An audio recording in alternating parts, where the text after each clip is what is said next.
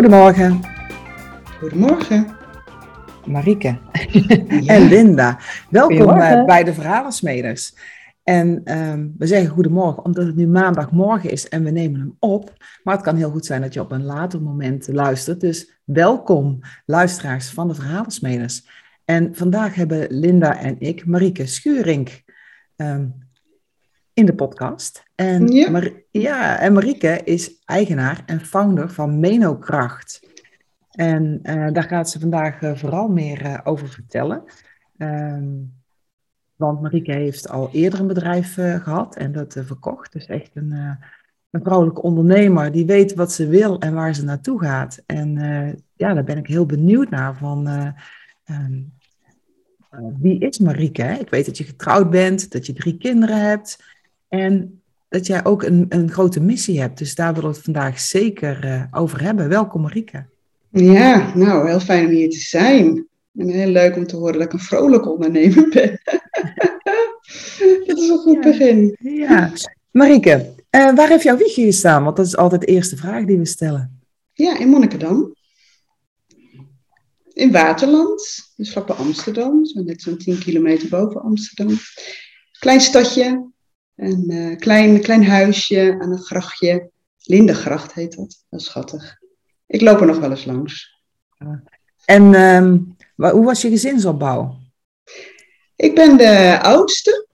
Ik, ben, uh, ik heb nog een zusje. Zij is, nou, zusje, dat klinkt zo oud. Ze is een zus. Ze is ook groter dan ik ben, uiteindelijk geworden. Zij is uh, bijna drie jaar jonger. Ik heb een vader en een moeder. En nou, dat, dat is het. Zo was het op dat moment. Dus ik, ben, ik was de eerste, de eerste in het wiegje. De oudste? Ja, de ja. oudste. En heeft dat consequenties gehad voor jou? Of merk jij van, uh, dat er een groot verschil is tussen jou en, uh, en je zusje? Of zus? Zus, ja, nou ja, dat denk ik wel. Ik denk wel dat het consequenties heeft. Um, ik, weet, ik denk dat, het, dat, dat ja, tweede zijn of derde zijn, heeft ook consequenties. Hè? Het heeft allemaal mm -hmm. consequenties. Ik denk wel dat ik me heel, of ik weet dat ik me heel verantwoordelijk heb gevoeld. Ook een uh, hele lange tijd naar haar toe. Uh, en op een gegeven moment heeft ze me dat ook heel vriendelijk teruggelegd, die verantwoordelijkheid. Dus uh, toen we, ik denk al dik in de twintig waren hoor, dat ze een keer zei van, ja, nu, nu stoppen we ermee. nu mag jij ook met mij praten. Dus als jij iets hebt, kun je ook een keer bij mij komen. Ah, en toen, en, inmiddels is dat allemaal niet meer zo relevant. We zijn gewoon zussen. Ja, precies. En hoe was jouw, uh, jouw leven op de, op de lagere school? Nou, best wel een beetje, uh, nou, durf ik wel te zeggen, enerzijds heel, um, heel fijn en, en geborgen, anderzijds ook helemaal niet hoor. Want ik begon op een katholieke lagere school, zo'n zo'n ouderwetse lagere school, waar ze nog, nou ja, niet meer in mijn tijd, maar nog wel, bij wijze van spreken, tien jaar daarvoor nog nonnen hadden lopen. En uh, ja, ik kom ook uit een katholiek gezin, althans mijn moeder komt uit zo'n katholiek gezin, hè, zo gaat dat. En uh, ja, dat vond ik wel een beetje op een gegeven moment lastig. Niet in de eerste jaren, maar op een gegeven moment werd de eerste communie daar uh, geïntroduceerd. Hè. Misschien kennen jullie dat ook wel. Dat is zo'n katholiek geloof, wat je dan volgens mij in, in, toen in klas 2, uh, dat is dan in groep 4, deed. En dan gaat zo'n hele klas ook een hele lange tijd in, in oefening. Elke dag naar de kerk, liedjes zingen. Maar ik mocht niet meedoen. Dus mijn ouders hadden besloten, en achteraf begrijp ik ook heel goed waarom, uh, dat ik daar niet, uh, geen, nou, geen inmenging mee moest hebben. Gewoon, het is niet voor jou. Uh, en dat was aan enerzijds, en nogmaals, ik snap heel goed waarom ze dat deden. Maar toen de tijd was het ingewikkeld, want je kan je voorstellen dat zo'n heel dorp daar allemaal massa aan meedoet. En dan ben je de enige, met nog, nog een jongen uit mijn klas, kan ik me herinneren, maar daar had ik dan weer helemaal geen contact mee. En dan ben je best wel een beetje buitenbeentje. En op een gegeven moment werd ik daar ook best wel, uh, ik werd weggeduwd letterlijk. Uh, en ik had toch een beetje een pech dat ik als kind uh, behoorlijk doof was. en ik ook best wel vaak, ik werd eigenlijk best wel heel veel gepest daar. En dan ben je aan de ene kant doof, aan de andere kant mag je niet meedoen. Dus daar wordt over gesproken in, in zo'n dorp. Dan moet je ook nog voorstellen dat mijn ouders ook alle twee echt uit dat, nou de stad, hè? ik zeg wel dorp, omdat het dorpsgevoel is, maar het is een stad ook echt vandaan kwamen met alle families. Iedereen kent elkaar. Dus dan is het van, uh, jij mag niet meedoen. Nou, daar wordt flink over gesproken. Uh, maar mijn, in mijn geval, daar had ik natuurlijk op dat moment niet zoveel last van. Maar in mijn geval uitte zich dat ik mag niet meedoen. Ik werd uh, ook opgewacht naar school. en, en, dan werd je af en toe even, moest je vechten. dus dat was heel vervelend. Ehm, dus daar ben ik van afgehaald door mijn ouders. Ik, dat was dan in die groep 4, dus klas 2. of was dat? Nee, begin klas 3. Toen ben ik naar een openbare school gegaan. Die was gelukkig inmiddels ook daar. En dat was hartstikke fijn. Dus daar heb ik het heel erg fijn gehad. En weet je, alles was daar uh, ontdekken. Uh, alles mocht, voor mijn gevoel. En dus dat, dat is heel erg goed geweest voor mijn ontwikkeling. en, en het mogen zien dat het ook anders kan. En dat het allemaal niet zo in een dwangbuis hoeft. Ja, precies. Want het lijkt me hè, gepest worden. Dat, hè, dan sta je buiten de groep. Je wordt letterlijk buiten de groep gezet. Ja, Heeft dat nog effect gehad of tot bepaalde overtuigingen geleid later in jouw leven? Oh, zeker wel. Uh, niet alleen later hoor, dat was me toen ook al wel helder. Dat ik op de een of andere manier, ehm, ja, hoe noem je dat? Dan krijg je zelf de overtuiging van ik moet kennelijk harder werken om ergens bij te mogen horen. Of ik moet kennelijk um, iets anders doen om mee te mogen doen. Hè? Dus dat maakt je wel heel erg alert uh, en dat is een heel vervelend gevoel. En dat heb ik eigenlijk nog heel lang gehouden hoor. Dus voordat ik daarvan afkwam, dat is ook pas uh, eigenlijk uh, recentelijk, zullen we maar zeggen. Ja, dank je wel voor, dat, voor het delen. Want um, hè, ik kijk natuurlijk weer met een schuin oog naar jouw design. Hè, want je hebt je geboortegegevens doorgegeven. Ja. En um, wat, ik, wat ik zie is dat jij hè, in jouw leven, en ik ben ook benieuwd of je dat en sowieso is jouw lagere schooltijd zo geweest, hè? dat je je eerste levensfase tot ongeveer 30 jaar hebt ervaren als pittig. Hè? Als dat je eigenlijk heel veel hebt ervaren in je leven, wat ook wel lastig was. Um, hè, dus ik, ja, sowieso eerst de vraag of je dat uh, ook later nog na de lagere school herkent. Ja, volmondig, ja. Ja, ja, precies. En dat is dus hoe jij ook um, ja, heel erg hebt geleerd in jouw leven. En ook uh, en in, in de huidige levensfase, ja, ga jij nu al jouw opgedane wijsheid ga jij, uh, verspreiden. Dus je hebt eigenlijk, als ik het dan even zo naar je design kijk, heb jij drie levensfasen. Hè, tot ongeveer je dertigste levensjaar. School of Hard Knocks. Hè, leer door vallen en opstaan. Wat wel werkt, wat niet werkt hè, het leven letterlijk ontmoeten. hè, mhm. op een pijnlijke manier, ook uh, bijna soms ook fysiek, hè, ook als kind misschien veel gevallen. en, uh, en dat soort zaken. En hè, ik hoor dat je het herkent. Ik hoor ook je onderbuik heel mooi. Mm -hmm. Ja, die dat herkent. en, uh, en zeg maar vanaf ongeveer je dertigste levensjaar. Ja, dat je eigenlijk bent gaan reflecteren op die eerste periode ja. je wat meer teruggetrokken hebt. Je bent ook iemand die graag ook op zichzelf is. Ja, ook tijd voor zichzelf nodig heeft. En maar nu, in jouw huidige levensfase, hè, kun je al die opgedane reflecties, al die opgedane wijsheid delen met wie het maar wil, wil horen. Ja. Dat is prachtig. Dat is een kans. Uh, ja, dat is een hele mooie kans. En wat ik dus ook zag, want dat is eigenlijk ook wat uh, Lia net ook aangaf. Hè? Hoe heeft dat ook hè, jou, um, ja, jou beïnvloed in hoe je naar het leven kijkt? En ik weet niet of je dat voor jezelf ook herkent, maar je hebt hele sterke waarden en normen. Je weet heel goed van, nou ja, zo horen dingen. En wat ik daarin zie, is wat ik heel mooi vind, is dat je ook de vastberadenheid hebt, hebt om um, ik, ga het gelijk eventjes, uh, probeer het even te vertalen naar wat ik hier zie, want ik kijk gewoon om de spot, uh, hè, ja, wat, ik dan, uh, wat ik daar kijk, is dat jij de kracht hebt om, om je aan je eigen waarde vast te houden, ook al zie jij zeg maar tegenslag, ook, ook in tijden van tegenslag. Dus dat je heel krachtig bent in het vasthouden aan wat voor jou belangrijk is. Nou, ik, ik, vind dat heel mooi dat je het zegt. En tegelijkertijd denk ik, oeh, daar heb ik wel af en toe ook voor moeten vechten, denk ik. En nog steeds wel eens. Ehm, maar dat is wel voor mij belangrijk. En je zegt net van, ja, kracht van je eigen waarde. Um, je zei net iets wat me triggerde. Um, ik weet niet meer helemaal wat het was. Oké, ja, dat, ik zeg dat en dan... Dat ik blijf bij me, ja, dat, dat ik blijf bij mijn eigen waarde. Hè? Dat, dat... Ja, ja, de kracht die je, die je uit je, ik heb hem even opengezet, de kracht die je uit, je, uit het uh, maintaining, hè, dus het, het onderhouden van je eigen waarden in het aangezicht van oppositie of van, ja, van moeilijke. Nou, het is, het is eigenlijk heel simpel, denk ik wel eens. Want als ik dat niet zou doen, dan zou ik ook omvallen, denk ik. Dus dat, dat is ook een hele sterke lifeline voor mij. Op het moment dat ik, dat, dat ik mezelf ga verlogenen, dus mijn, mezelf, mijn waarden, waar ik voor sta. Hè. Kijk, een ander mag mhm. heel erg voor zijn eigen waarde staan. Hè. Dus mijn waarde is niet iets wat per se een waarde voor de ander is. Ehm, maar ik, ik, heb wel heel erg de behoefte om daar heel stevig aan, uh, vast, te, vast te houden. Ja. Dat is mijn uh, lifeline. Ja, zo, zo, zo kun je het zeggen. Ja, dat is heel mooi dat je dat zegt. Ja. Ja, Marieke, ik hoor je nou een aantal keren zeggen, hè, mijn waarde. Dus ik zou jouw waarde eens mee willen nemen, hè? want we zijn bij de basisschool uh, gebleven en dan ga je naar de middelbare school. Ja. En um, welke waarden waren daar voor jou belangrijk? Uh, zo, dat vind ik nog wel heel moeilijk. Uh, want ik was mezelf wel een beetje kwijt in die middelbare school, eerlijk gezegd. Hoe kwam dat?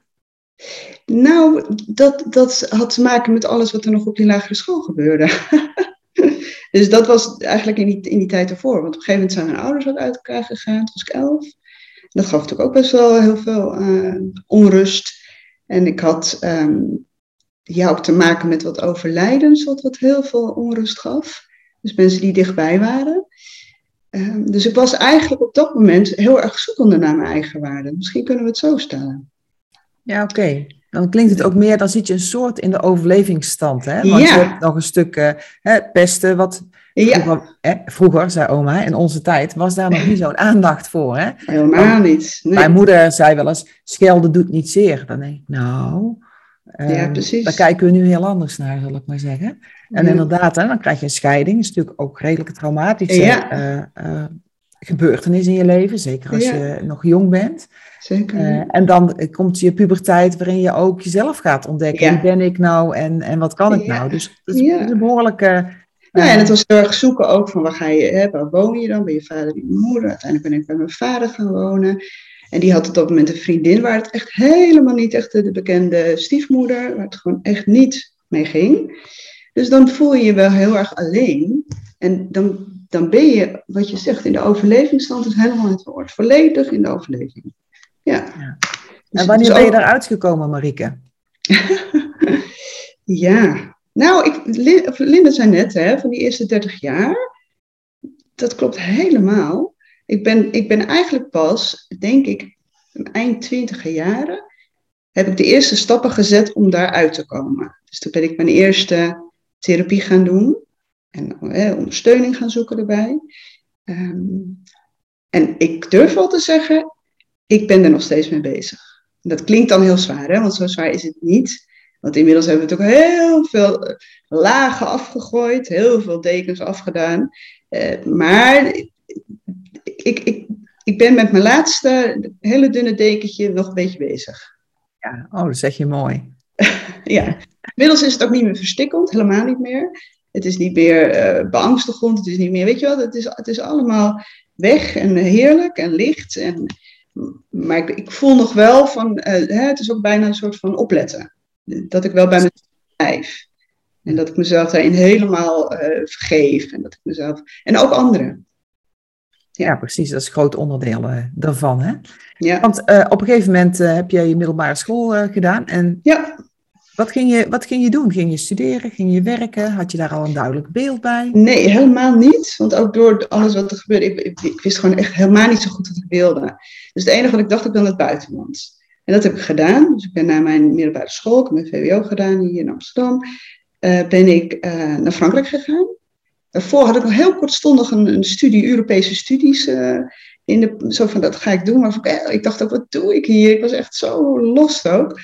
En toen dacht ik, nou, ik ga gewoon lekker naar Frankrijk, ik ga naar het buitenland. En dat was het begin van um, ontdekken wie, wie ik was. Dus dat was heel fijn.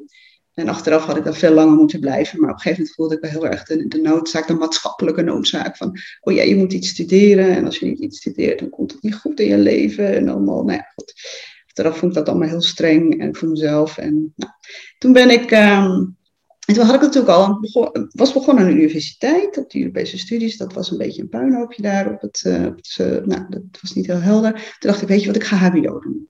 En toen wist ik niet wat ik wilde doen. En toen zei mijn vader, ik weet nog, die zei, ik denk dat je wel een goede verpleegkundige kan worden. Toen dacht ik, nou oké, dan ga ik verpleegkundige doen. Ik wist het echt niet. Ik vond het heel moeilijk om dat te bepalen.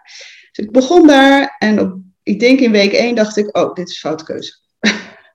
maar goed, dan zit je daar. En ik had natuurlijk daarvoor al die Europese studies afgeblazen. Ik denk, ja, ik kan niet alles blijven afblazen, zo werkt het niet. En toen kwam mijn doorzettingsvermogen heel erg naar voren. Toen dacht ik, dat is dan maar gewoon vier jaar doorbijten, zo so het. Uh, gewoon lekker doen. En ik leerde vast wel wat van. En dat was ook zo. dat, het is natuurlijk niks is weggegooid. En ik wist al wel heel snel van, ik had al in het eerste jaar uitgezocht wat ik na deze studie wilde doen. En dat was sociologie. nou, dat ben ik dus gaan doen. Dus na die vier jaar ben ik sociologie gaan doen. Achteraf denk ik, nee, ik had toch naar mezelf moeten luisteren, want ik was te streng. Ik zat in die doorzettingsvechtlust. Uh, in dit overleven wat ik zo goed kan. Zo, huppatee, we gaan het gewoon doen, niet zeuren, huppatee. En toen dacht ik, oh, ik had meteen, ik had naar sociologie moeten gaan. Want dat was heerlijk. Dat was helemaal een warm bad. En dan had ik daar gewoon lekker vijf of zes jaar over kunnen doen. En lekker mijn studententijd.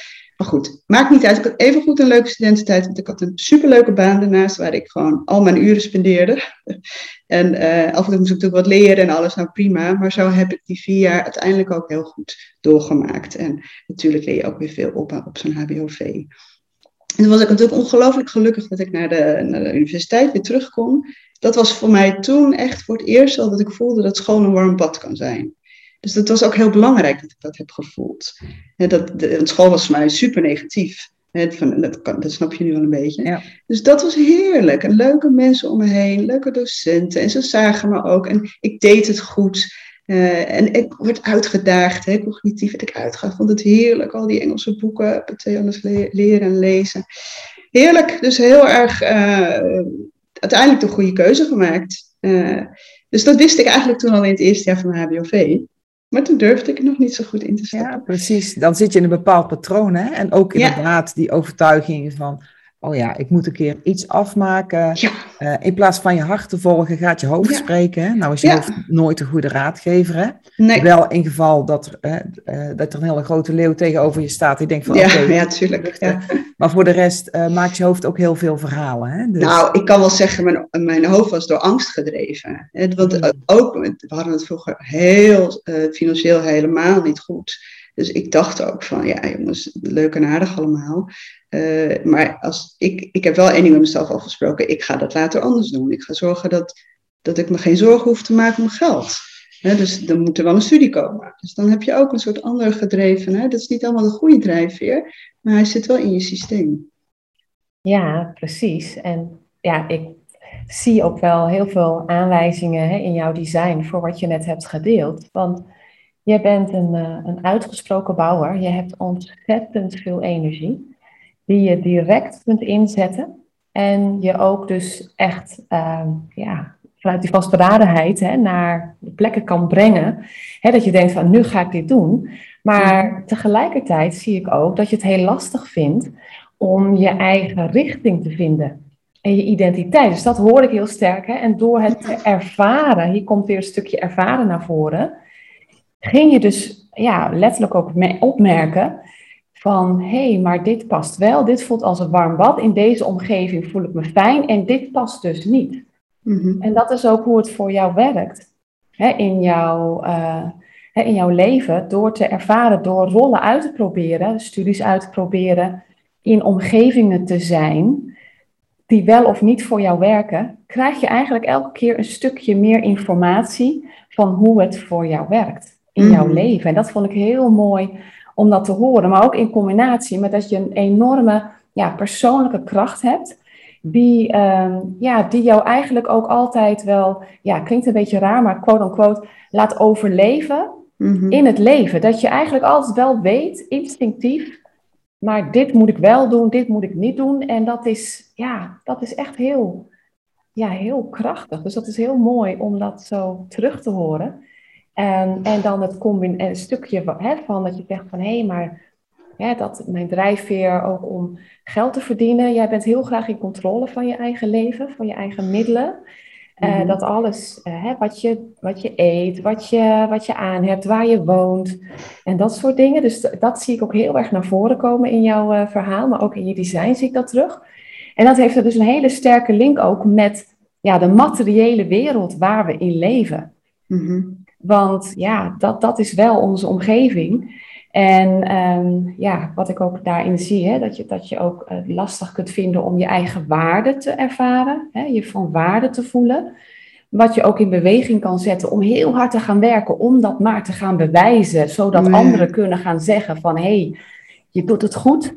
Hè, dus ik ben ook even benieuwd hoe je, hè, als ik dat nu zo aan je teruggeef, hoe je dat uh, hebt ervaren of nog steeds ervaart in je leven. Mm-hmm. Ja, zeker. En dat laatste herken ik ook heel goed hoor. Dat, dat, je, dat ik inderdaad zo. Uh, sowieso ben ik een harde werker, maar dat komt ook wel terug. Dat, dat, ergens zit dat ook heel erg in mijn systeem. Dat hoor ik jou ook zeggen. Daar voel ik me ook goed bij. Ja. Ik denk ook lekker hard werken. Ook fysiek hard werken hou ik van. Uh, ik heb inderdaad wel. Nou ja, ik heb veel energie. Ja, ik ben zeker geboren met heel veel energie. En ik voel ook heel vaak energie. De laatste tijd heb ik het al wel iets minder. maar goed, dat, dat kan natuurlijk van alles zijn. Uh, dus dat moet ik weer even een beetje terugwinnen. Um, ja, en inderdaad die goedkeuring van anderen. Ja, eigenlijk is dat iets waar ik wel een beetje vanaf wil. Staat dat ook in mijn design, dat dat nog gaat komen? daar, kun je, daar kun je van, uh, van afkomen, maar daar ben je kwetsbaar. Ja, daar voel ik me ook soms kwetsbaar. En daar voel ik me tegelijkertijd ook de laatste tijd steeds sterker in worden. En dat is echt heel erg mijn winst van de afgelopen, nou, ik veel, vijf jaar. Uh, dat ik denk, nee, het is wel klaar met wat iedereen vindt en wil van mij. of wat ik zelf denk wat anderen vinden en willen. Hè? Want daar gaat het natuurlijk ook heel vaak over. Daar ben ik wel eigenlijk heel erg klaar mee. Uh, dus ik heb wel een hele mooie zoektocht gehad uh, van, ja, hoe blijf ik bij mezelf? Hoe waardeer ik mezelf? ik ben goed genoeg. Hè? En waar ik ben is ook goed genoeg. Dat ik daar heel erg mezelf mee complimenteer de hele tijd. Dus dat is wel echt een hele mooie oefening die ik, nou ja, op dit moment heel erg mooi mag leren. Vanuit een, een, leermeester noem ik het maar even. Ja, misschien heb je wel eens gehoord van, misschien moeten we dat niet noemen hoor, dat weet ik niet of jullie dat willen. Maar hij is een coach uit Amerika, hij heet Jim Forten, daar leer ik veel van. Maar ik heb onlangs ook um, een hele mooie workshop Key gevolgd. Misschien kennen jullie dat wel. Ik denk Lia wel Ki, dat is echt vanuit, uh, ja, dat komt vanuit de boeddhistische wijsheid. Dus uh, enerzijds Jim Fortin uit Amerika met ook een hoop, nou, om het zo maar even te zeggen. Hè. Die, aan de andere kant staat daar dan de boeddhistische wijsheid uit het oosten, die met veel minder bravoure eigenlijk hetzelfde zeggen. En dat je dus echt werkt vanuit je eigen onderbuik. Dat we veel te veel in ons hoofd zitten. Uh, met, met z'n allen, hè, de meeste van ons. En dat we mogen landen meer in ons buik. En dat we vanuit daar de kracht kunnen vinden.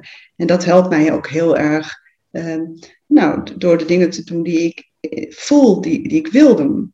Dus dat, dat, dat, dat, heb ik inderdaad sterk, dat geef jij net ook terug. Ik weet wel uiteindelijk weet ik wel heel goed wat ik wil. Intuïtief werkt dat inderdaad heel erg om mij door. Op een gegeven moment weet ik gewoon, zo wist ik ook met Vernet, een vorige bedrijf. Oké, dit gaat verkocht worden. Ik wist het eigenlijk al voordat het gebeurde. Ik zag het op de een of andere manier, voelde het aankomen. Um, nou ja, dat, weet je, dat, dat zijn keuzes die je maakt in het leven. Dat dacht ik ook loslaten. Het is goed genoeg zo. Uh, mooie tijd geweest. Mijn moeder heeft het bedrijf ooit opgericht, lang geleden. Ik heb het van haar mogen overnemen. En zo is de cirkel rond. Ik, ik rond het af, ook voor haar. En uh, ik, ik kan dan voor mijn gevoel nu iets gaan doen wat helemaal bij mij past en hoort. Uh, nou ja, zo ben ik eigenlijk dus die, die menokracht begonnen. En uh, dat is een, voor mij inderdaad, nou ja, die missie, misschien, jij noemde het al, nou ik weet niet of je het noemde, maar dat ik, dat ik gewoon zoveel vrouwen zie die uh, vanuit een, vanuit, niet genoeg vanuit hun kracht leven, om het zo maar even te noemen. En heel erg zoekende zijn, vooral in, ook in die overgangsperiode. Ik zie dat echt als een transitie. Het is een fase in je leven. Maak het in die zin ook niet groter dan het is. Maar er zijn wel vrouwen die in die periode behoorlijk wat klachten kunnen ondervinden, zowel fysiek als mentaal. Uh, en ik koppel dat dan ook nog een stukje aan werk. Ik zie dat veel vrouwen worstelen in die periode met hun, hun werk en ambitie, maar ook gewoon fysieke energie. Van hoe ga ik die dagen volhouden op het werk met wat ik voel. Um, en ik, ik, persoonlijk vind ik dat er veel te weinig aandacht voor is. En dat irriteert me ook eigenlijk. Dan denk ik, jongens, kom op, er zit een bak aan ervaring. Uh, en, die vrouwen hebben al zoveel jaren werk gedaan. Of die, die hebben inmiddels zoveel vaardigheden ontwikkeld. Die staan ergens voor. Die zijn vaak ook de bakens van rust. die, dat zijn spinnen in het web die verbinden. Uh, waardevolle potentie zit daar. En dat wordt door veel werkgevers toch, vind ik, veel te weinig gezien. En daar zit wel echt een missie van mij. Daar ben ik uh, dan heel lekker ingestapt. En het is, het is een beetje, ja, het is nog niet zo lang geleden hoor. Het is al een jaar geleden, zeg maar, zo grosso modo. Dus het is echt ook nog wel zoeken hoor, voor mij, van hoe dan precies. Maar prima, dat, uh, ook dat laat ik nu lekker over me heen komen. En ik voel me daar sterker in dan ik me daar vroeger in voelde. Dus ik heb die richting zeker nog wel een beetje nodig. Maar ik merk dat ik steeds meer uit mezelf kan halen. En ja, dat is mooi heel fijn. Ja, want ik wil nog heel even terug, hè, want je hebt al een stuk verteld over, uh, over je nieuwe bedrijf. Hè? Daar gaan we direct zeker over verder. Ik ga toch even terug, uh, Marieke, in, ja, hoor. de tijd. Doe maar. Want um, uh, op een gegeven moment kom je Roeland tegen. Ja, zeker. Die kom ik gewoon tegen. Zo die kom je gewoon in de, tegen. In de kroegen in Amsterdam, ja. Precies, en dan ben ik 28. Dus dan zit ik een beetje, zoals uh, Linda net ook zegt, uh, raak ik langzaam naar een nieuwe fase in mijn leven. Uh, jazeker, en ik kom dan tegen. En uh, ja, dan krijgen we al heel snel ook ons eerste kindje. Uh, die dient zich aan. Nou, dat is dan weer anderhalf jaar daarna. En nog eentje. En daarna nog eentje. Maar goed, dus ja, we, we, trouwen, we hebben een leven. We beginnen lekker in een heel klein huisje in Amsterdam. En nou, later op de Lindengracht. En vervolgens bouwen we steeds uit. En voor mij is dat een fase waarin ik ja, mooi om dat net te horen weer hoor, van Linda, dat ik naar binnen gekeerd raak. Ik denk dat dat wel klopt. Ik raak letterlijk naar binnen gekeerd in de zin, ik vind ook zwanger zijn naar binnen keren. Ja. Uh, dat, ja, weet je, dat, dat, is drie keer heel erg naar binnen keren en daarmee bezig zijn. Dat heb ik ook heel mooi en waardevol ervaren. Uh, en kinderen hebben, als ze klein zijn, maar ook nu dat ze groter zijn, is ook naar binnen keren. Want ze wordt natuurlijk heel vaak daarin wel getriggerd. En ervoor kunnen zorgen maakt ook dat je uh, jezelf een klein beetje uh, afsluit voor de buitenwereld. Want je, hebt, je wilt dat ook investeren en geven aan de kinderen. Uh, ik ben toen in die tijd wel begonnen met werken natuurlijk. ik werkte, nou, het begon dus bij Fernet te werken. Ik ben ooit bij Deloitte begonnen, maar dat was echt een blauwe maandag en dat vond ik echt heel erg verschrikkelijk. Wat was dan verschrikkelijk aan? nou ja, dat is dus niet mijn huis dat, dat is echt zo ja, allemaal in, in, in, pak en allemaal volgens. Hè, er wordt van je verwacht dat je volgens een bepaalde taal praat. Er wordt van je verwacht dat je een bepaalde cultuur, uh, bepaalde waarden en normen, daar komen we dan ook heel mooi op terug. Moet je leven volgens een bepaalde. Ja, want zo hoort het. Zo zegt de grote baas het. Zo zegt de klant het. Zo wil de klant het. Zo wenst de klant het. Nou, dat zijn allemaal dingen die zo tegen mij in het uh, harnas. Ik denk, oh nee jongens, hier word ik heel ongelukkig. Dus toen heb ik echt na een half jaar ook gezegd, ik, uh, ik ga hier weg en uh, dit is echt mijn ding niet. En met welke waarden botste het bij jou met name? Hè? Want het klinkt een beetje als je komt binnen, verstand aan de kapstok en gedachten op nul. En ja. een bepaald plaatje uitdragen. Dus welke ja. normen of waarden waren het waarvan je dacht van nou, dat matcht niet met wie ik ben? Nou, ik denk in de grote, grote mm, ja, het komt vooral neer op een gevoel van vrijheid, wat ik hmm. volledig verloor. En vrijheid letterlijk, want ik moest voor het eerst ook echt in een soort van 9 tot 5 constructie, wat ik ook gewoon niet zo heel erg lekker bij ga. Uh, ik had daarvoor heel lang in de horeca gezeten, in hotelwezens. Dus dat is een heel andere, andere wereld natuurlijk. Ook veel flexibeler, hè? Dan moet veel je veel flexibeler, inspringen op wat er is. Nou ja, en, daar, en daar werd gewoon, toen was ik best heel jong, maar er wordt gewoon aan je gevraagd, regel het maar. En dat vond ik heerlijk, ja, dat dat regel het maar, dat, dat is echt aan mij besteed. En dat van, we, we, eisen dat je het zo doet en binnen zoveel uur en dat is gewoon niet zo goed aan mij besteed. Uh, en ik voelde ook letterlijk voelde ik me niet vrij, omdat ik in, letterlijk in een soort van harnas zat. Ook, ook qua kleding, klinkt heel raar. Maar als je in zo'n mantelpakje aan moet, nou, ik word er helemaal gek van. Het is echt niet aan mij, dat vind ik zo verschrikkelijk. Maar ik vond het ook gewoon heel erg verschrikkelijk hoe mannen daar waren. Ja, dat ga ik dan toch ook maar even heel eerlijk zeggen. En het is niet zozeer de MeToo hoor, maar het, is meer het denigrerende. En dus het meisje, heb je überhaupt wel gestudeerd, werd er dan gevraagd aan je. Ja, dat weet ik nog heel goed. Zo'n partner die bij Deloitte, ik echt dacht, pardon? waar gaat dit over? Wat, wat doen we hier met elkaar? Is dit een soort nepwereld? Gaan we allemaal doen alsof we super geweldig zijn? En, uh, maar je vraagt niet aan me, goh, wie ben je eigenlijk? En, uh, wat kom je doen? Wat kom je brengen? Wat, wat, uh, wat vind je leuk hier? Nee, dat, dat, dat wordt op zo'n manier, zo'n manier wordt, en nou, hij is niet de enige, maar hij was ook, er waren er toch wel meerdere van, als ik eerlijk ben. En ja, dus, dus als je het hebt over ware normen, nee, vooral in, ja, niet meer jezelf mogen zijn. Dat vind ik, dat vond ik wel ingewikkeld. En dat vind ik heel mooi dat je het nu zo aangeeft, want hè, net vertelde ik je dat je het lastig vindt je richting en je eigen identiteit hè, te vinden, om, om dat zomaar hè, ook te kunnen zeggen überhaupt. Mm-hmm. Maar de andere kant is, is, dat is dus bij jou open hè, voor conditionering, maar dus ook open voor de identiteit van anderen.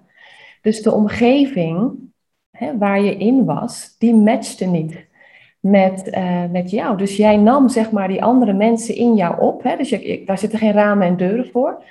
En dat is dus wat je ervaart. En ook op het stukje dat materialisme, hè? dus ego, het ego-stuk. En die mhm. combinatie hoor ik heel erg terug. Mm dat de mensen, dat het een beetje een ego-status achter de omgeving was. Zeker. En jij bent heel erg gevoelig voor, klopt het?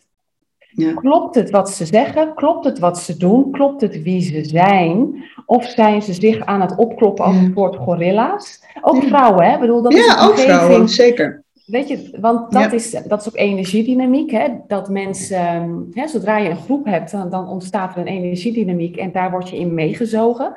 En je wordt eigenlijk gedwongen door die dynamiek om jouw identiteit daarnaar te voegen of te vormen.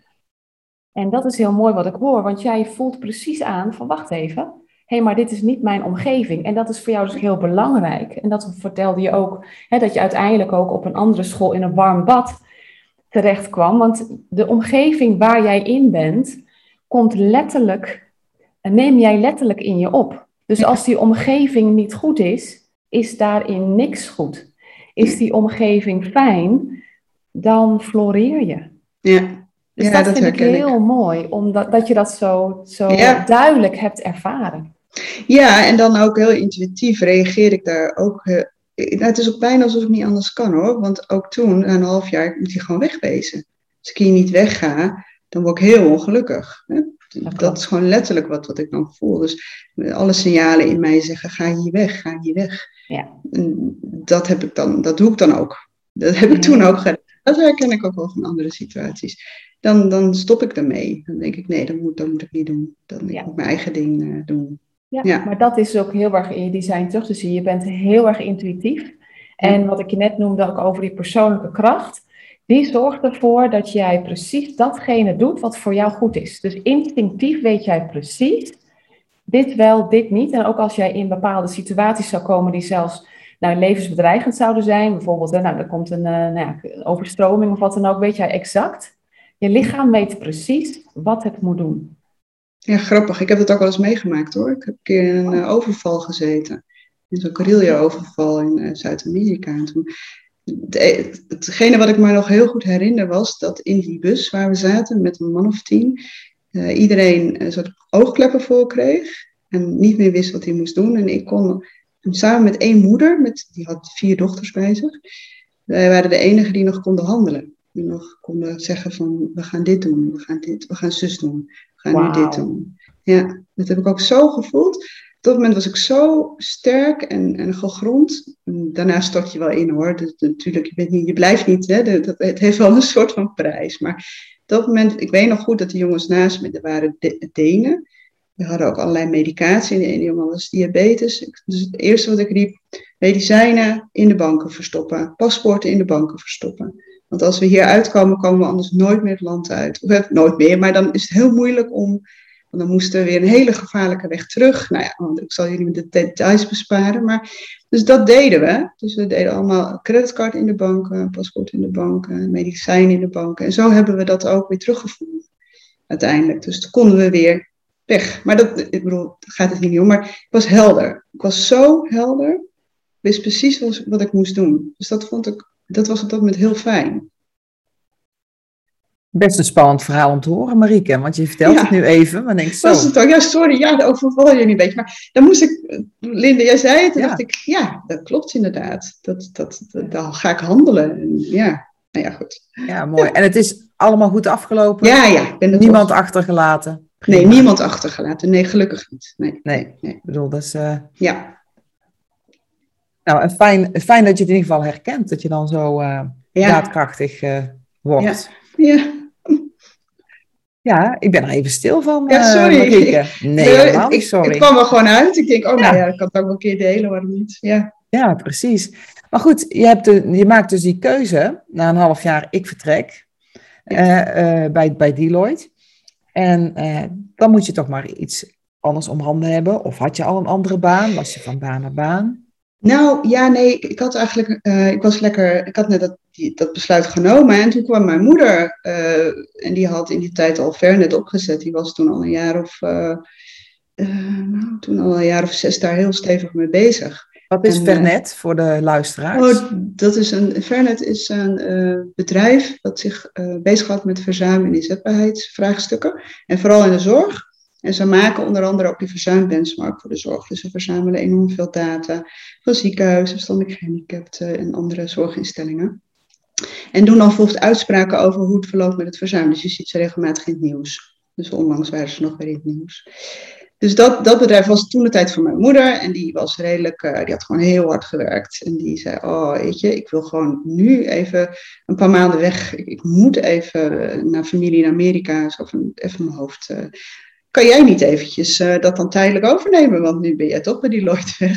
Dus, en ik, jij bent degene die ik wel vertrouw. Hè? Ik weet dat jij de goede dingen doet.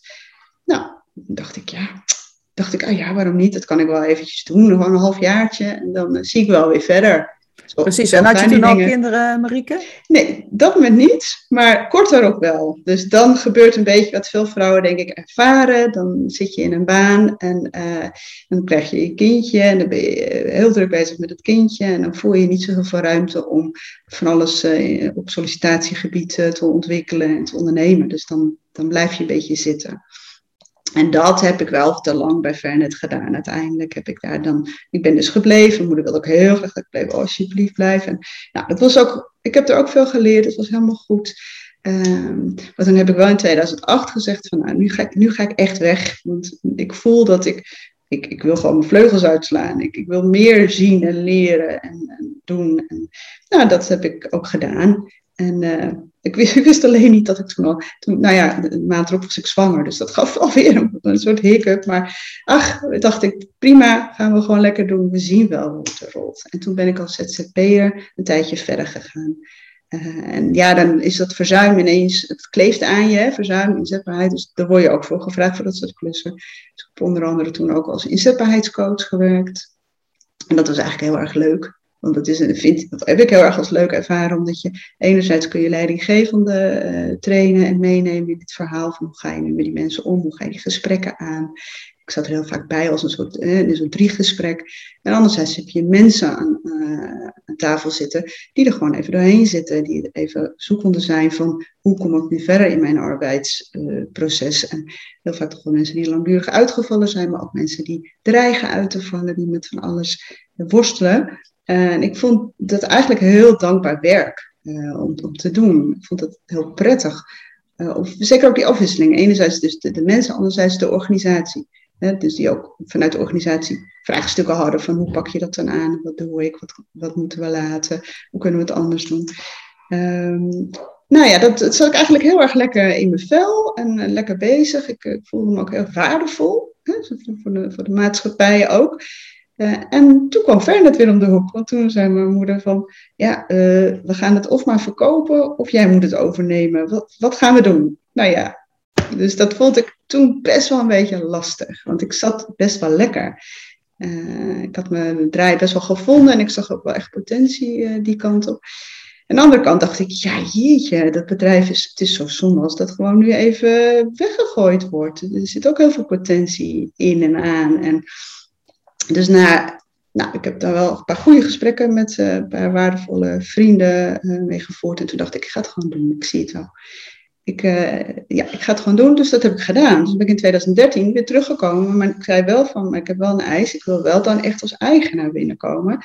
en dan ga ik het ook echt helemaal op mijn manier doen, want ik voelde wel aan, en dat komt dan ook weer terug in de human design, leuk en aardig om het ik kan het niet op jouw manier doen, mam. Heb ik ook echt gezegd, van dat is niet mijn manier. Mijn moeder is wiskundig, ik ben socioloog. Nou, dat, dat geeft al meteen weer van hoe we verschillend in de, in, de, in de race zitten.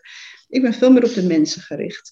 En uh, prima dat het, dat het heel analytisch wordt aangevaren, dat is helemaal oké. Daar kan ik ook echt wel wat mee, maar tot op zekere hoogte. Uh, dus nou, dat was ook zo. Dus we hebben het helemaal overgedragen. Het is ook echt mijn bedrijf. Uh, en dat was, toen voelde ik wel de vrijheid, nu ga ik ook echt doen wat ik wil. Maar dat kan natuurlijk niet helemaal, dan heb je wel een bedrijf met 15 man personeel zitten. Hè? Ja, precies. en je hebt natuurlijk een bepaalde klanten. Ja, dus je, is, moet dus toch een beetje plooien. Tuurlijk, dat, en dat was ook oké. Dat was helemaal prima. Uh, maar wat ik daar heel leuk heb uh, kunnen neerzetten. Uh, nou ja, misschien is het leuk om gewoon te benoemen wat klanten zelf zeiden. Van jeetje, Fernet was eerst een soort van nou, toch wel een stoffig instituut. En dat klinkt dan een beetje naar, want mijn moeder was toen, wil ik toch even bij zeggen, ook al vijf jaar weg. Het was een andere man die daar tijdelijk zat als directeur. Daar was het gewoon niet goed mee gegaan. Um, dus ze zeiden van ja, stoffig instituut. En, uh, en nu is het, je, bent, je loopt op de zaak vooruit. Je bent een soort innovatief uh, bedrijf geworden, waar iedereen alles graag van hoort en, en meeleeft en wat je allemaal ontwikkelt. Ik, ik, ging ook heel erg in die creatiemodus. Ik vond het heerlijk om eh, van alles te ontwikkelen. En vooral met de klanten, want dat was mijn, mijn stokpaardje. Ik wilde naar de klanten toe. Dus ik, ging, heb een heel jaarprogramma ontwikkeld. En elk jaar had ik heel veel bijeenkomsten waarin ik met klanten discussieerde over thema's die gingen over verzuim en inzetbaarheid. En we deden diverse onderzoeken met de klanten. Uh, nou, en dat, dat trok heel erg aan, want dat gaf elke keer weer nieuwe content. Dus als het van, oh, we kunnen nu weer iets zeggen over psychisch verzuim. Oh, we kunnen nu weer iets zeggen over de ontwikkeling van zelfsturing in het verzuim. En zo, dus dat, dat was voor de klanten heel erg fijn om te merken. toen, wat er toen gebeurde was ook dat we steeds meer nieuwe klanten binnenkregen. Dus daarvoor liepen de klanten weg hè, toen ik binnenkwam. Dus het was best ook nog wel spannend, die overname. Het was helemaal niet een gespreid bedje, helemaal niet. Want het was in die jaren, uh, die, die vijf jaren dat, dat wij er dus allemaal niet meer bij waren, was dat langzaam bergafwaarts gegaan. En sterker nog, dus, en we waren ook afhankelijk van de zorgbranches, die waren ook eh, onze klanten. En één grote zorgbranche die had eigenlijk al opgezegd. En die heeft toen gezegd van nou, we wachten nog heel even, want we horen dat uh, Marieke terugkomt. Dus we, hebben de handtekening al wel gezet, maar we versturen de opzegbrief nog niet. We geven het nog een jaar. Uh, dat heb ik echt vernomen, dus het was heel fijn om dat ook achteraf pas, hè, want op dat moment wist ik dat dus ook niet. En die vrouw zei nou, we waren bijna weg geweest. Maar gelukkig, we blijven nu. We zijn ook helemaal blij met jullie. En zo is de relatie weer hersteld. En ook dus de relatie met heel veel klanten. En dat vond ik heel erg leuk om te doen. Dus gewoon voelen wat er nodig is in de markt. En goed luisteren naar de klanten. En ze komen namelijk zelf met heel veel antwoorden op de vragen die ik heb. Hè? Want ja, mooi. Zo werkt het in ondernemerschap. Want je kunt heel erg op je eigen, achter je eigen computer duiken en met je hoofd opgesloten en maar hopen dat er klanten komen. Maar het gaat er toch heel erg om te voelen en te horen wat die klanten nou precies willen. En waar ze hun problemen zitten. En dan vervolgens met, vanuit dat perspectief kijken van wat kunnen we daar dan mee? Wat kunnen we, wat kunnen we ontwikkelen? Wat kunnen we, waar kunnen we informatie ophalen? Ja mooi.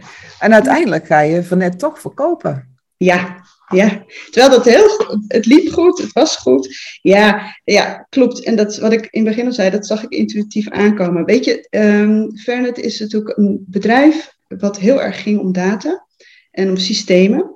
Nou, we kregen natuurlijk echt wel een klap met die AVG. En wij zelf op zich uiteindelijk niet, want we zijn heel goed door die AVG-keuringen steeds heen gekomen. Dus we kregen ook met, nou, hoe zeg je dat? Met uh, goede goedkeuring van, nou, jullie doen het echt heel goed als het gaat om die privacy. Maar wat er, wat er wel intern gebeurde, was dat de focus werd heel erg gelegd op die AVG. Dus alle creativiteit die ik voelde, die werden continu gelegd langs de meetlat van de AVG. En dus het was ja, leuk, maar een goed idee, maar ja, kan, kan niet helemaal meer, want AVG. Aha. Nou, dat speelde. Wat je ook ziet in de wereld van data, is dat die technische ontwikkeling enorm snel gaat. En waar wij al in, in 1996 met data werkten, uh, nou, heel veel bedrijven nog niet, zie je nu een enorme concurrentie wel opstaan ook hoor. Dus uh, ik dacht wel vaker van, oeh, dit wordt heel lastig om die kennis op de date te houden. In dat toch wat kleinere bedrijfje wat wij waren. Bedoel, we zijn niet een bedrijf met een paar honderd man, zeker niet. Uh, dus dan ben je, voel je kwetsbaar. En toen kwam eigenlijk PGGM langs en zij zeiden van, we willen met jullie samenwerken. En dat kwam van samenwerken naar overname. Uh, en toen dacht ik op een gegeven moment, het is, het is wel goed. Het is, laten we het doen. Want ik denk voor de lange termijn, voor Fernet, is het een betere zaak. Ook voor de. Kijk, je moet je ook voorstellen, je wordt elke dag wakker en je moet 15 mensen, gezinnen ook uh, voeden. Hè? Dus het is ook, ik vond het ook soms best een beetje spannend. Ik dacht, oh ja, het is ook wel een verantwoordelijkheid die je neemt. Um, en het ergens ook wel lekker als je het kan beleggen bij een heel grote, hele grote moeder, zeg maar. Die altijd geld genoeg heeft. Hè? Nou, dat denk ik op de hoogte van. Maar, en altijd genoeg capaciteit en genoeg, nou, et cetera denk ik, ja, het is ook wel heel fijn voor al die medewerkers. Dan kan ik dat ook even van mijn mhm. bordje afleggen. Nou, zo alles tezamen zeiden we, we gaan, dat gaan we gewoon doen. Dat is goed. En uh, ja. Ja, en dan heb je je bedrijf verkocht. Hè? En val je dan in een gat?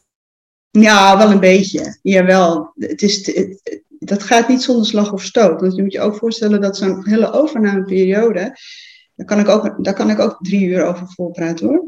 Dat is heftig. En dat gaat niet in de koude kleren zitten. Je gaat door honderdduizend uh, gedachten. En uh, natuurlijk ben je ook niet in één keer eruit. Dus je hebt heel veel gesprekken ook met advocaten. En met, continu moet je bij jezelf weer te raden gaan. En nou, heftig jaar.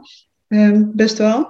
Um, maar wel, uh, uiteindelijk dacht ik, nee, prima. En daarna, dacht, ik, ik had in eerste instantie iets als ik eerst maar eens even lekker rust kan hebben. Nou, dat had ik toen, dus het was, het was ook wel bijzonder, hè? want dit gebeurde allemaal letterlijk vlak voor de lockdown. En ik denk dus eigenlijk dat die hele verkoop nooit was gebeurd als we die lockdown eerder hadden gehad. Dus dit, we praten nu over januari 2020. Uh, eh, en ik heb afscheid genomen in maart 2020. Op de dag ongeveer van de eerste lockdown. Toen heb ik mijn laatste overdracht gedaan bij de brancheverenigingen. Dus het was gekkenhuis ook wel, dat dat allemaal nog lukte voor in die tijd. Het, moest ook zo zijn ergens. Um, ja, zo, zo, kijk ik er heel vaak naar. Het, het is, en ik, en ik, wat ik heel erg leuk vind, ik heb nog steeds veel contact met ze. En nog steeds de directeur die daar nu, de, de twee dames die zeg maar de, de boel daar runnen, die, uh, nou, die ken ik heel goed. Vooral die ene is een hele goede vriendin ook van mij. Eh, dus ik hoor heel vaak nog dat het heel fijn. En hoe fijn is het geweest dat we dit zo met elkaar hebben kunnen doen. Dus weet je, het is voor iedereen goed geweest. Ja, precies. Een gegeven moment mooi afgerond. Maar dan krijg je wel iets. Maar die tip. Dan gaat ja, Marieke verder doen dan. Hè? Ja, nou, dat, dus die eerste weken waren natuurlijk super lekker. Want dan hoefde ik even niks meer. Dan ga je gewoon even eindelijk weer eens die vriendinnen opzoeken. Eindelijk weer eens even naar uh, wat familie wat je al lang niet hebt gezien. En dan en lekker je eigen ding doen. Uh, met de kinderen dingen doen. En, en dan komt er toch weer dat stemmetje. Maar dat heb ik dan weer. Want heel veel mensen verklaren me voor gek. Die zeggen van, joh, je kan toch ook even lekker een jaar niks doen. Kun je ook schelen. Ja, dat werkt dus niet zo goed bij mij. Daar word ik heel erg onrustig van. Dus dan, dan denk ik van, oh, uh, ja, maar er is nog zoveel troen in de wereld. Kom op, we gaan, we gaan nog van alles uh, optuigen. Nou ja, dus dan ontstaat er toch weer een klein beetje een soort onrust, zo'n gevoel in je. En eigenlijk, ja, ik vind het dan toch wel lastig om, om er echt van te genieten om een tijdje niks te doen. Dat heb ik misschien achteraf, had ik dat toch nog iets langer moeten doen. Maar goed, het is helemaal zoals het is. En het loopt zoals het, zoals het is. Het is, het is prima. Ja, mooi. En heb je, want ik zie dat je heel erg van vernieuwing houdt en, hè, en dat je, je bent gewoon een werkmier, je kunt niet stilzitten.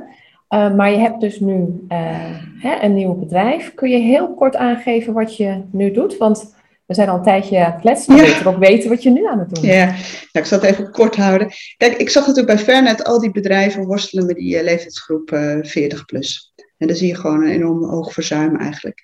Um, dus die, die inzetbaarheid van die groep is kwetsbaar. Toen dacht ik, nou, als ik ergens iets mee wil doen, dan is het daarmee. Want ik voel dan die, die ambitie van die vrouwen, hè, die arbeidspotentie. Ik zie het, maar op de een manier zien anderen het, het, het, anders of minder. Dus met menokracht ondersteun ik organisaties bij het overgangsvriendelijk maken van hun werkklimaat. Gewoon in, met uiteindelijk de doelstelling dat vrouwen lekker aan het werk kunnen. Dus die voelen zich sterk en goed. En organisaties profiteren daar ook van. Het is altijd een win-win situatie. Dus daar ben ik, als ik het even in het kort, uh, daar ben ik mee bezig. En gelukkig ken ik nog heel veel organisaties uit mijn netwerk. Dus ik word ook regelmatig wel nou ja, benaderd of gevraagd. Hé hey Marieke, wat leuk. Ik zie dat je nu uh, eigenlijk uh, met iets bent doorgegaan. Ja, misschien nog wel vanuit Vernet. Weet je wel, zo wordt het dan vaak gezien. Kunnen we eens praten daarover en uh, wat kunnen we er dan aan doen? Nou, dan ga ik met die organisaties in gesprek. Maar er zijn ook vrouwen die mij één op één benaderen hoor. Die zeggen van, mag ik eens met je praten?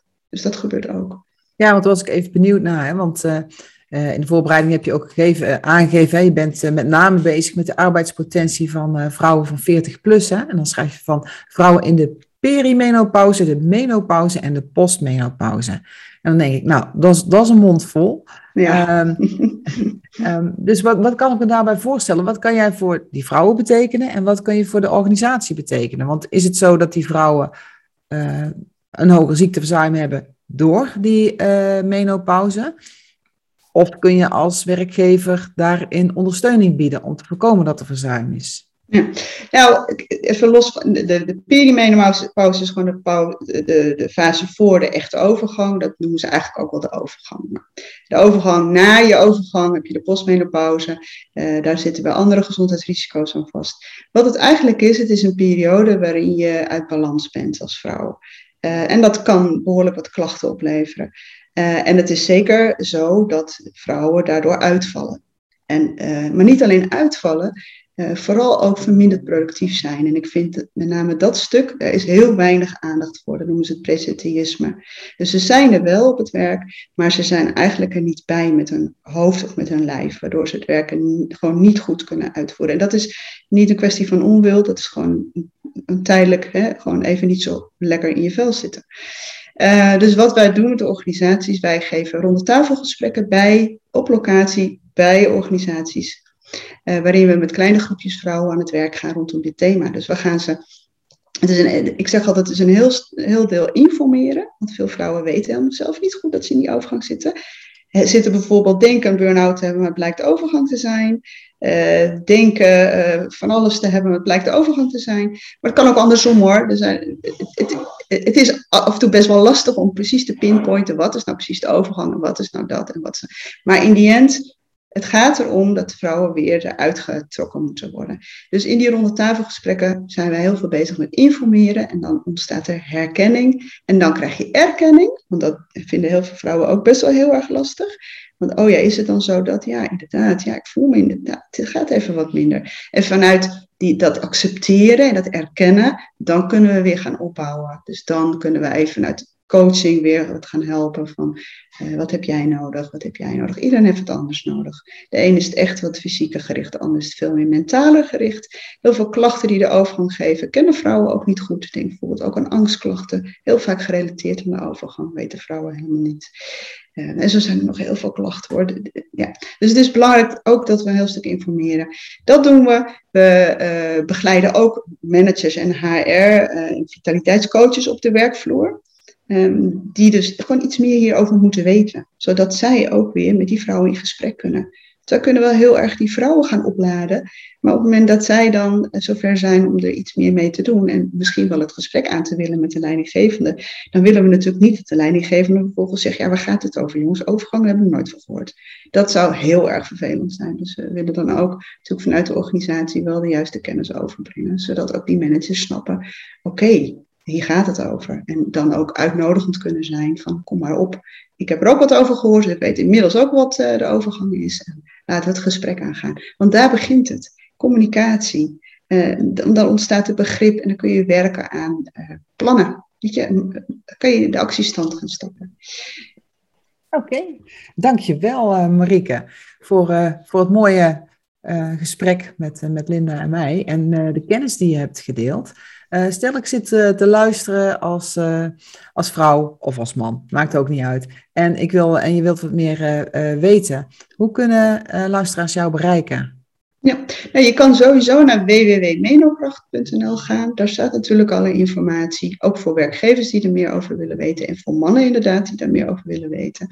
En wat we voor vrouwen zelf nog hebben, dat is dan een besloten Facebookgroep. En dat uh, gewoon op Facebook te vinden, Menokracht besloten Facebookgroep. Volgens mij heb ik de link met jullie gedeeld, dus die komt misschien nog wel in de show notes.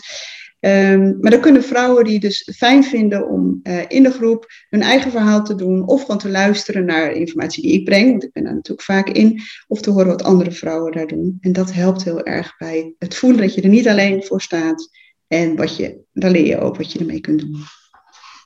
Dankjewel Marieke voor uh, je komst uh, naar de studio en, uh, en je mooie verhaal. en dankjewel Linda. Heb jij nog een laatste uitbrander Linda? Nou, het komt helemaal goed als ik naar haar design kijk, hè, naar jouw design Marieke. Dan heb je alles in huis om vrouwen op een fantastische manier te helpen. Dus ja, fantastisch. Dus dankjewel. Nou, jullie bedankt. Heel fijn om te horen. Oké, nou dankjewel Marieke, dankjewel Linda. En uh, dat was weer het einde van de Verhalensmeders uh, aflevering voor deze week. Um, wil je meer weten, abonneer je op de podcast, dan krijg je automatisch bericht wanneer de volgende komt. En de volgende uitzending is weer maandag over een week. Dankjewel allemaal, blijf gezond, fijne week en tot ziens.